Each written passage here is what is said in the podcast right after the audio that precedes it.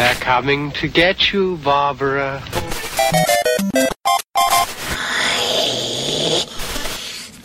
Precious! Look at me, Damien. Yippee-ki-yay, motherfucker. eherbata.pl Gonna be legend. Wait for it. It's a trap! Dairy. Legendary. Żarłok i Skóra i Mando, Jerry, Szymas. oraz nasi goście. Konglomerat podcastowy. Wasze ulubione podcasty w jednym miejscu.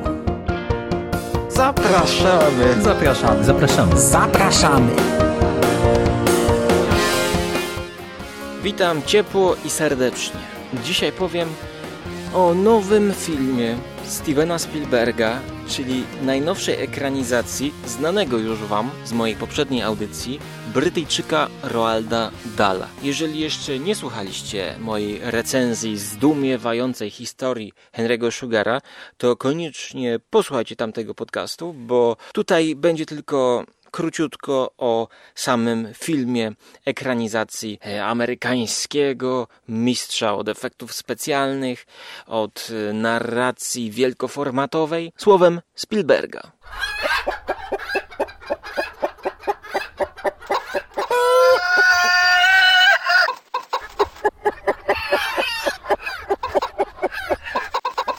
Audycja skóry. Czyli ekranizacja Wielomiluda, e, książki z 70. lat. Szanowni Państwo, to jest film zdecydowanie dla dzieci, a nawet bym powiedział, no taki stan pomiędzy, mm, nie wiem, bardzo wczesna podstawówka albo przedszkole. No niestety, dwugodzinne dzieło o dziewczynce, która e, zas, zasypiając, a właściwie nie mogąc zasnąć, tutaj nie wiemy do końca, czy śpi, czy nie śpi, przychodzą do niej w nocy takie giganty, które zajmują się wkładaniem ludziom snów do głów. A tutaj dziewczynka nie śpi. Nasz tytułowy taki wielomilut, ten taki przyjazny gigant, zabiera porywa dziewczynkę do krainy gigantów, no bo ona widziała, że on istnieje, kiedy on się ukrywa wszędzie, tak żeby go żaden ziemianin, jak jest to w tłumaczeniu ziemiak, ziemiak, nie ziemniak, tylko ziemiak, e, nie zobaczył. Całość przenosi się do krainy gigantów, gdzie dziewczynka poznaje tych złych gigantów, e, następnie przekonuje naszego tytułowego bohatera, przekonuje go, żeby przyjechał na ziemię, jednak się pokazał i do królowej brytyjskiej, żeby no, ona coś zrobiła z tymi niedobrymi, okropnymi gigantami, które jedzą ludzi. Film BFG. Bardzo fajny gigant. W kinach latem 2016. Oglądałem to w kinie z polskim dubbingiem, który, którego zawsze unikam. Ile tylko mogę, to no, nigdy nie chodzę na dubbing. A tutaj akurat była taka wyjątkowa sytuacja, no to na dubbing poszedłem. I pierwsze pół godziny to była masakra. To po prostu desynchronizacja względem ust. Przyzwyczajenie się do tych głupich głosików polskich. No niestety dubbing mnie się nie podoba. Tylko wyświetlono to z dubbingiem, wyobraźcie sobie. No pewnie dlatego, że zakładano, że jak ktoś przyjdzie, to tylko z dzieckiem. I rzeczywiście dzieci się chyba najlepiej na tym bawiły. To jest dla młodszych widzów, co już powiedziałem. E, jakie tutaj mamy minusy? Że film jest za długi. Spokojnie na tę opowieść i fabułę, by to skrócić, jeżeli by to skrócić do 70 minut, to by to nic nie straciło. Mam wrażenie, że tutaj każda scena jest powtarzana, wałkowana, wyjaśniana w ramach jednej sekwencji wielokroć, żeby dziecko zrozumiało. Mm, Chociaż jeżeli porównamy to z filmami Pixara, to tam no, dzieci nie są traktowane jak jakby były niekumate. Tutaj oczywiście efekty specjalne efektami specjalnymi, no jednak ja cały czas widziałem, że giganty to są animacje, e, a plenery no zapewne też, ale właśnie odnośnie lokacji i plenerów. Ojejku, jejku, no podzieliłbym ten film na takie chyba pięć lokalizacji, czyli tak, mroczny Londyn, Następnie Kraina Gigantów, która ogranicza się do dwóch lokacji, czyli e, chałupka naszego sympatycznego olbrzyma i polana. I to właściwie jest e, polana jakby numer jeden i polana numer dwa. I właściwie to jest bardzo rzucające się w oczy, że niby tutaj wielka animacja, ale być może oni tutaj cieli koszty. Albo e, olbrzymi spotykają się na lokalizacji z takim mostkiem, albo na lokalizacji w dolince. No i to niestety nudzi. I następnie, kiedy przechodzimy do ostatniej, piątej lokalizacji, czyli e, Brytania w dzień, jasna, już e, wokół pałacu, gdzie mieszka królowa Anglii, to jest już e, tak weselej, pogodniej, e, zmienia się trochę klimat, zmienia się ta lokalizacja, no ale to jest koniec. Na tym się kończy i potem znowu jeszcze wracamy na chwilę do Londynu już, już wieczorną porą. No ja na to dałem się naciągnąć e, właśnie ze względu tego, że czytałem Henry'ego Sugara i myślę sobie, no skoro leci w kinie, to zdegustuję sobie książkę Roald Dala w takiej postaci, o czym to było, bo nie czytałem oryginału.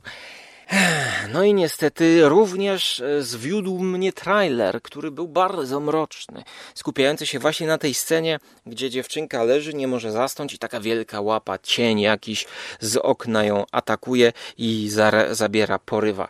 No niestety, słuchajcie, dla mnie to jest rozczarowanie. Przede wszystkim Spielberg, Amerykanin, nie ma tej lekkości e, w stylu i w reżyserii, którą ma Wes Anderson i Tim Burton, pokazujący już wcześniej ją w Charlie i Fabryka Czekolady oraz Wes Anderson, fantastyczny Pan Lis. Szanowni Państwo, to są świetne ekranizacje e, tych powieści Dala. Natomiast tutaj jest to zbyt toporne wszystko największa taka lotność i lekkość żartu jest w tym ostatniej sekwencji, kiedy Olbrzym zostaje zaproszony do Pałacu Królowej.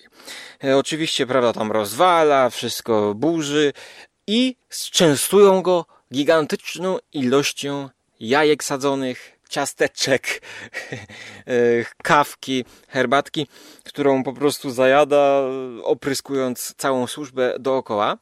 E, jednak kawa mu nie smakuje, w związku z czym wyjmuje swój charakterystyczny, dziwny raczej napój, gdzie bąbelki gazowane nie idą do góry zgodnie z grawitacją, tylko w dół.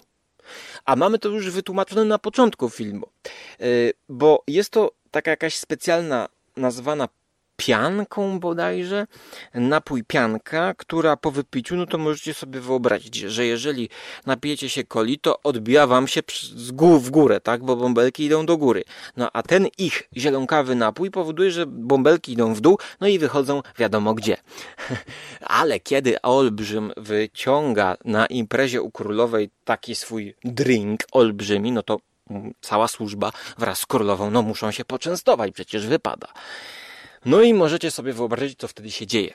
I to jest chyba rzeczywiście najlepsza tutaj sekwencja z całego filmu, choć też jeżeli bym to porównał do brytyjskiego humoru kręconego przez Brytyjczyków, to już nawet nie mówię o e, latającym cyrku Monty Pythona, ale chociaż weźmy solowy projekt Johna Cleesa, e, Faulty Hotel, czyli Hotel Zacisze gdzie tam właśnie była ta brytyjska lekkość, której tutaj brakuje w tej sekwencji. No powiedzmy tak, no tutaj, tutaj cała służba i wszyscy puszczają bąki zielone, a bąk królowej e, zostaje tak wygładzony, że e, no nawet koloru nie, nie odważyli się pokazać, że to zielonkawa, no bo to przecież zielonkawa to, to, to gorzej. Królowa sobie, prawda, pryka powietrzem czystym.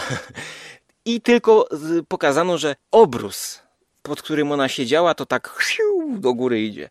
E, no tak więc tutaj no za mało fantazji jest zdecydowanie w tym filmie, bo oglądając już wcześniejsze ekranizacje właśnie fantastycznego pana Lisa, no to wiemy, że do tego, żeby pokazać tę te, humorystyczność prozy Roalda Dalla, tę lekkość, która jest nawet w jego opowiadaniach grozy, o czym mówiłem w podcaście o niespodziankach na radio Stephen King, to potrzeba właśnie takiej lekkości, brytyjskiej lekkości połączonej z fantazją. W tym wypadku Spielbergowi tego zabrakło, tak więc ja zdecydowanie raczej nie polecam. Polecam poczytać Roalda Dalla, niespodzianki albo zdumiewającą historię Henry'ego Sugara. Tymczasem tyle ode mnie. Trzymajcie się ciepło. Do usłyszenia bądź zobaczenia na Żarłok TV. Cześć!